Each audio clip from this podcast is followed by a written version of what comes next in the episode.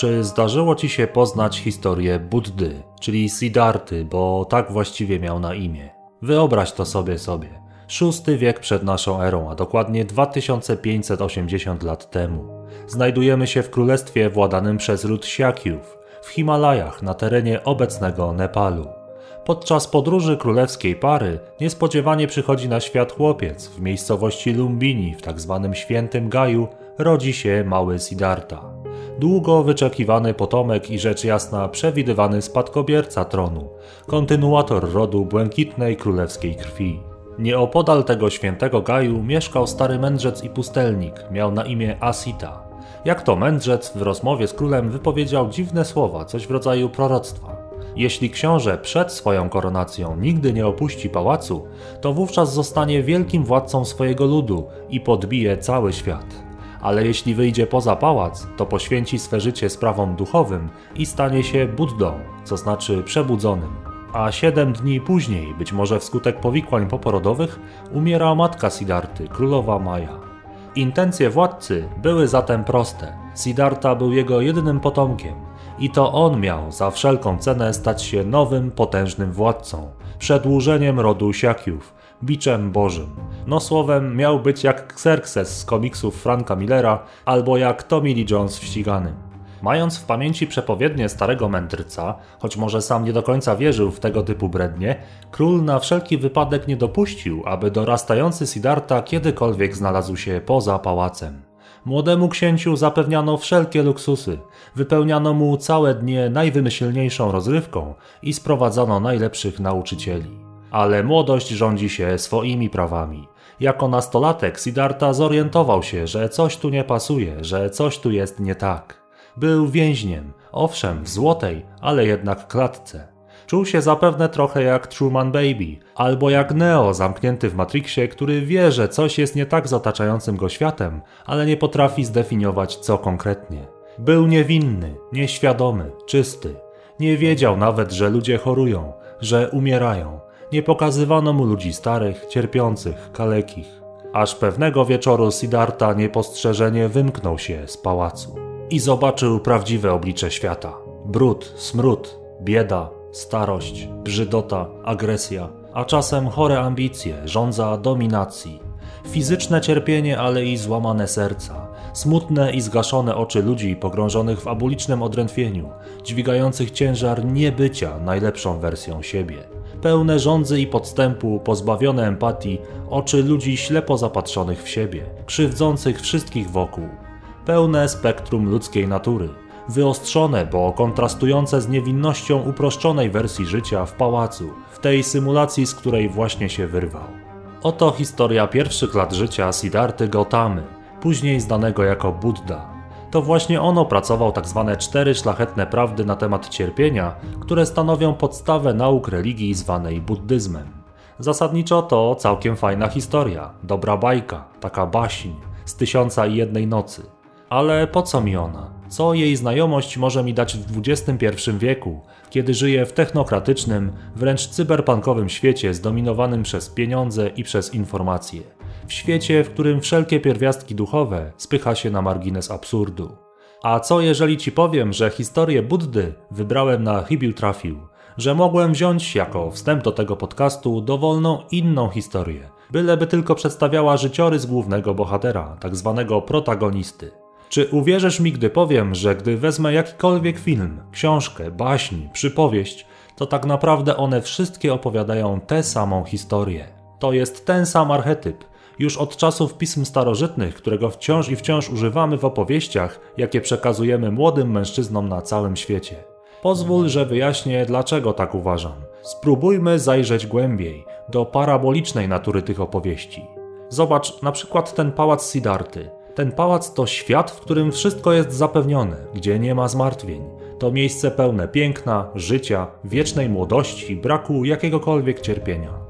Nie trudno jest tu dostrzec analogię do biblijnego Edenu, raju, czyli miejsca, w którym wszystko jest zapewnione, pełnego piękna, życia, nieświadomości śmierci, braku cierpienia. Ten Eden, ten pałac symbolizują niewinność i naiwność dziecka. To uproszczona wersja świata, w której dziecko spędza pierwsze lata swojego życia.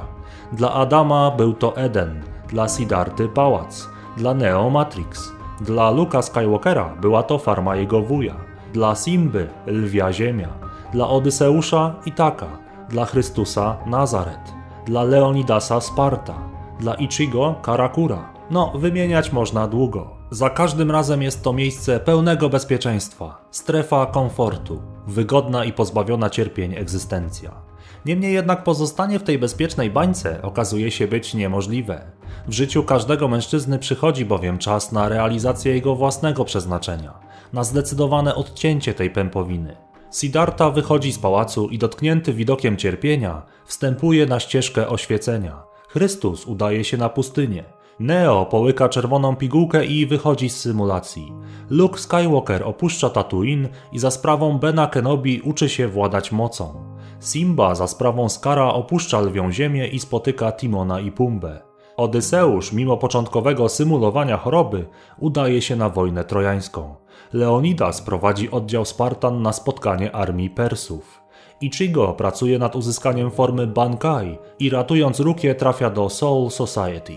Każda z tych opowieści ma ten sam rdzeń, podszyta jest tym samym archetypem. Siddhartha urodził się podczas podróży swoich rodziców, podobnie Chrystus. I tak samo my przychodzimy na świat podczas podróży naszych własnych rodziców, ich podróży przez ich życie. Twoje czy moje pojawienie się na świecie nie było przecież żadnym początkiem drogi dla naszych rodziców. Pojawiliśmy się już w trakcie ich wędrówki. Być może kiedy mieli problemy finansowe, kiedy szukali pracy, mieszkania, kiedy sami nie do końca wiedzieli, co ze sobą zrobić, kiedy podejmowali swoje własne życiowe wybory. Jako ludzie często pragniemy być wyjątkowi, wybrani spośród wielu. Często nie dopuszczamy do siebie świadomości cykliczności życia, świadomości, że jesteśmy tylko częścią większej życiowej gry i że świat naprawdę widział już wszystko, że historia często zatacza pełne koła. Cykliczność jest niewątpliwie obecna w naszym życiu. Można wręcz powiedzieć, że żyjemy w mocno fraktalnej rzeczywistości. Pory roku wiosna, lato, jesień, zima od wiosennego wzrostu, niewinności, młodości, poprzez lato, czyli czas intensywności, czas doznań, czas pełnego rozkwitu, a po lecie następuje jesień. To piękny czas mądrości, korzystania z letnich zbiorów, ale i czas pierwszych spadających liści, przygotowań do zimy. Zimy, która jest czasem chłodu, depresji, bólu, wycofania. Czy cykl pór roku nie przypomina ci cyklu naszego ludzkiego życia, od narodzin aż po starość? A czy codziennie nie mamy do czynienia z cyklem dnia i nocy? Słońce nieśmiało rodzi się na wschodzie, dojrzewa, daje pełnię blasku i ciepła w okolicach południa, po czym następuje wieczorny czas zbliżania się ku nocy. Wszędzie cykle, wszędzie to samo podobieństwo rodzącej się, dojrzewającej, mądrzejszej, bo dojrzałej i przemijającej natury życia. Jeden wielki fraktal, jeden wspólny mianownik życia każdego człowieka, jeden wieczny archetyp. Znajomość takiej właśnie cyklicznej natury egzystencji pozwoli nam, podobnie jak Buddzie, zastanowić się nad sensem cierpienia, a szczególnie zwrócić uwagę na takie jego odmiany, które każdy może w swoim życiu wyeliminować, a przynajmniej ograniczyć. Po pierwsze, mały disclaimer, żebyśmy się dobrze rozumieli. Na świecie istnieje wiele rodzajów niezawinionego cierpienia. Nie wybieramy przecież swojego garnituru genetycznego, swojego habitatu, miejsca, w którym przyszliśmy na świat. Na świecie istnieje także wiele cierpienia rozgrywającego się za sprawą ludzi. Często sami stwarzamy sobie piekło i to nierzadko na niewyobrażalną skalę. Jedyne co mogę zaoferować ludziom cierpiącym z takich powodów to empatia, zrozumienie płynące od człowieka, który także cierpi. Istnieje jednak cierpienie, które zadajemy sobie sami. Spróbujmy je dziś zobaczyć, poobserwować kto wie, może dzięki chwilom takiej krótkiej podcastowej refleksji będziemy nieco silniejsi, będziemy mądrzejsi, godniej zniesiemy, a być może nawet wyeliminujemy część tego cierpienia, które stwarzamy sobie sami. Jest to trudne i mnie samemu także często się nie udaje, ale przecież tylu ludzi przed nami zmagało się z problemem cierpienia. Przyjrzyjmy się ich podpowiedziom, temu co sami zauważyli i czym zechcieli się z nami podzielić. Po pierwsze, nie zapominajmy o cykliczności życia. Pierwsze zagrożenie czyha na nas u progu lata, czyli tego okresu intensywności, impulsywności, okresu zdobywania i zapuszczania się w nieznane. Tak jak wspominaliśmy wcześniej, wiosna oferuje nam czas wzrastania. Od narodzin przebywamy w Edenie, w pałacu, w łonie matki, a później w bezpiecznym domu rodzinnym, gdzie wszystko jest nam zapewniane, gdzie spełnia się nasze zachcianki. Pierwsze niebezpieczeństwo pojawia się, kiedy dojrzewający młody mężczyzna nie chce opuścić tego Edenu, kiedy trzyma się kurczowo tej pępowiny. W okresie dojrzewania następuje wygnanie z raju. Naturalnie zauważamy, że świat, w którym żyjemy, nie jest już dla nas tym samym światem niewinności, naiwności i bezpieczeństwa. Przekonujemy się tak jak Siddhartha, że prawdziwy świat, pełen wyzwań, niebezpieczeństw, przygód, znajduje się poza pałacem. Nie ma już powrotu do raju. Coś nie pozwala nam już usiedzieć w miejscu, woła nas chęć wyrwania się z zamkniętego pałacu. Młody mężczyzna dostrzega wówczas iluzję tego dziecinnego świata. Dostrzega, że to był tylko inkubator, okres ochronny, symulacja rzeczywistości. Pora pójść w nieznane, pora samemu o sobie decydować, zderzyć się z prawdziwym światem. I wyszedłeś, jasny synku, w ciemną noc, poza pałac, na ulicę miasta. Biblia mówi, i dlatego to mężczyzna opuści swój dom, ojca swego i matkę swoją. Filozof Nietzsche powiedziałby, że pora z wielbłąda przeistoczyć się w lwa. Przeciąganie bez końca okresu inicjacji rodzi cierpienie.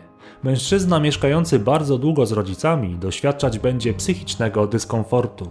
Jego natura woła go już do wejścia na kolejny poziom własnego, autonomicznego rozwoju, a on wzbrania się przed wyjściem z pałacu. Tego rodzaju cierpienia można uniknąć. Wystarczy udać się w nieznane, jak Chrystus na pustynię, jak Luke Skywalker opuścić farmę wuja, jak Adam pora wyjść z Edenu. Swoją drogą charakterystyczne jest, iż to dojrzałe, apetyczne jabłko podaje w Edenie Adamowi Ewa, kobieta. Symbolizuje to pięknie okres dojrzewania płciowego, rozwoju seksualnego, który towarzyszy mężczyźnie właśnie na etapie wyjścia z raju, czyli na etapie wyjścia poza czas dziecięcy. Czy ci się podoba, czy nie, życie ze swoją cykliczną naturą wypędza cię z raju. Okres lata to czas walki i zmagań, czas zdobywania, ale i testowania różnych dróg. Niejednokrotnie sparzymy się wówczas, a nawet zranimy. Nietzsche nazywa to walką ze smokiem. Chrystus przechodzi próbę kuszenia na pustyni. Buddha pokonuje demony pod drzewem Bodhi. Luke Skywalker wsiada na statek z Hanem Solo i w rezultacie niszczy gwiazdę śmierci. Rzucanie się na tak głęboką wodę wymaga co nieco odwagi, ale jest to droga, którą musisz jako wojownik podążyć. To nie przypadek, że każda opowieść o życiu mężczyzny rozgrywa się według tego właśnie archetypu, według tego samego cyklu. To właśnie dlatego podświadomie wyczuwamy w tych życiorysach uniwersalną prawdę. Trzeba podążyć za wezwaniem własnej natury. Jeśli tego nie zrobimy, nieuchronnie pojawi się w naszym życiu cierpienie. Drogą do uniknięcia tego typu cierpienia nie jest budowanie planów, dokonywanie prób przewidzenia wszystkiego, co się zdarzy.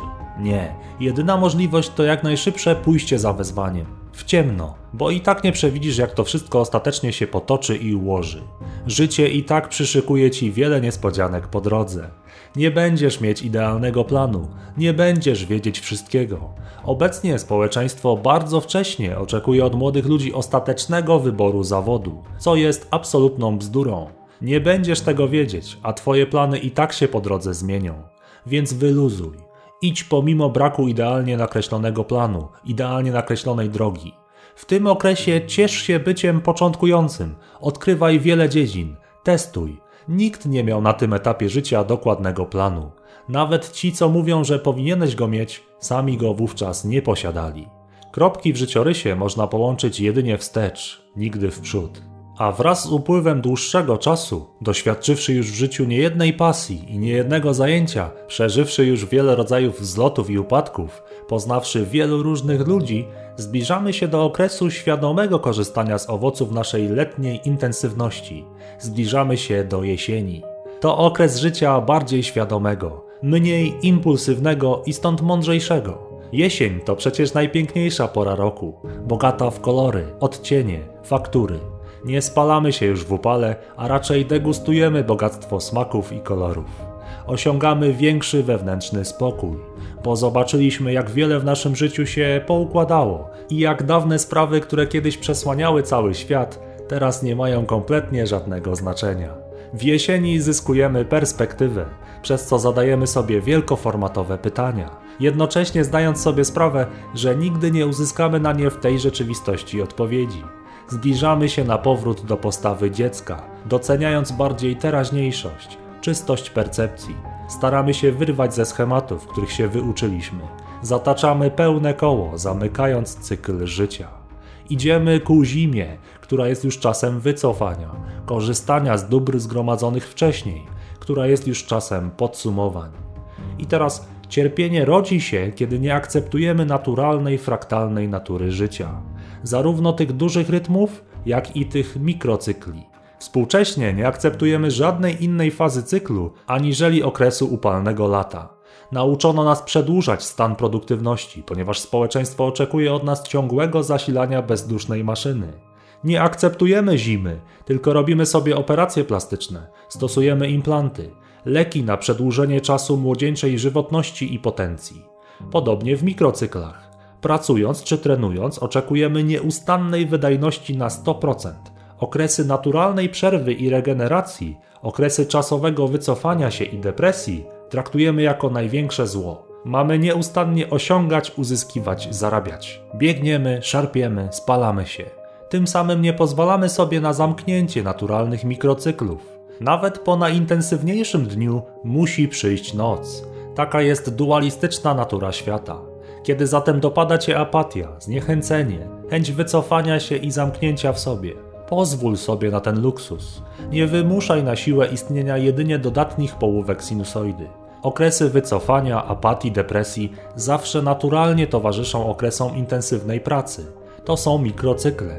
Te okresy pozwalają nam, tak jak nocny odpoczynek, złapać perspektywę, oddać się medytacji, przemyśleć co dalej, a także czego mnie to nauczyło, ten okres intensywności. Samo życie mądrze nami kieruje, trzeba tylko zachować równowagę, ekwilibrię. Wojownik poeta zna cykliczną naturę rzeczywistości. To dlatego jest zarówno szorstkim, twardym wojownikiem, tym, który działa, ale jest także poetą, czującym, refleksyjnym bytem, tym, który rozważa. Szukaj równowagi, stąpaj po ostrzu klingi rzeczywistości. Pozwól sobie na czas wytężonej pracy, ale pozwól sobie także na wycofanie i samotność, implozję. Nie zawracaj biegu rzeki łyżką. Nie próbuj zmieniać naturalnych cyklów życia. Ciesz się nimi, akceptuj je w pełni. Nie przeważaj szali na stronę ultraproduktywności, jak również na stronę wszechogarniającej depresji. Brak równowagi rodzi cierpienie, nie tylko psychiczne, ale także fizyczne. Tego rodzaju cierpienia można uniknąć właśnie dzięki zrozumieniu natury otaczającej nas rzeczywistości, jej cykliczności, dualizmu, światło cienia. Depresja może być dobra i potrzebna. Oczywiście nie mam tu na myśli klinicznej depresji, gdzie cały cykl życia jest zaburzony negatywnie, gdzie występuje jedynie ujemna połówka sinusoidy. Mam tu na myśli naturalny czas regeneracji.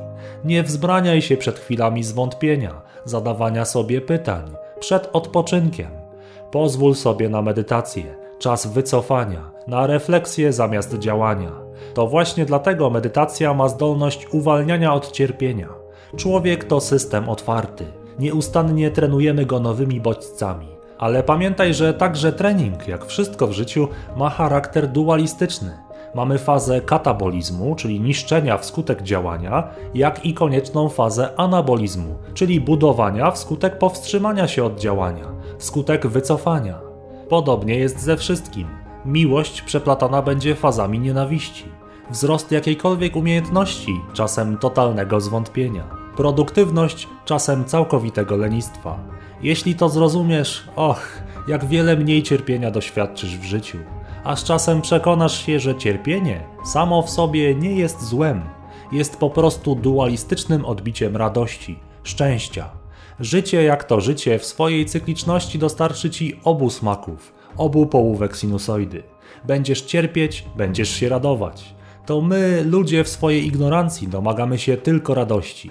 Jeśli zrozumiesz, nie zadasz już sobie pytania, skoro Bóg istnieje, to dlaczego pozwala nam cierpieć? Nie zadasz go, bo wiesz, że gdyby nie było cierpienia, nie byłoby też radości. Że tak jak materia ma antymaterię, dobro zło, światło cień, dzień noc, yin yang, mężczyzna kobietę, lato zimę, tak i radość ma cierpienie. a życie miesza za każdym razem te dwa smaki w różnym stężeniu procentowym. Najbardziej pamiętne są dla nas oczywiście chwile, gdy któryś smak dominuje. To prawda. Ale cieszmy się też chwilami zmieszanej intensywności, a przede wszystkim akceptujmy własne ograniczenia, nasze własne zamknięcie w tym cyklu.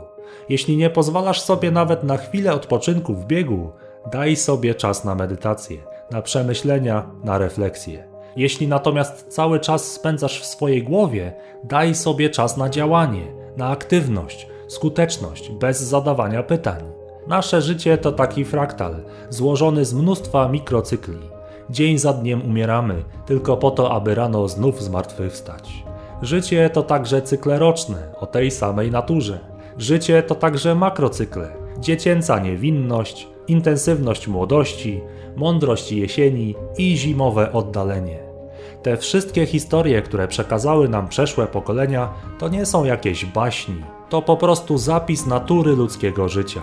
Podobieństwa pomiędzy protagonistami to nie dowód, że Buddha czy Chrystus byli tylko postaciami literackimi. Wcale nie.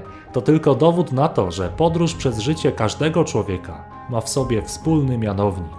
Że nasze życia, pomimo tak wielkiej różnorodności etnicznej, kulturowej, religijnej, fizycznej, światopoglądowej, pomimo tej różnorodności, wszyscy jesteśmy tacy sami. Jedziemy na tym samym wózku. Dlatego, kiedy spojrzysz w oczy drugiego człowieka, to zawsze zobaczysz w nich także cząstkę siebie, wspólną esencję, to samo zmaganie w okowach dualizmu, tę samą podróż, którą rozpoczęliśmy w raju.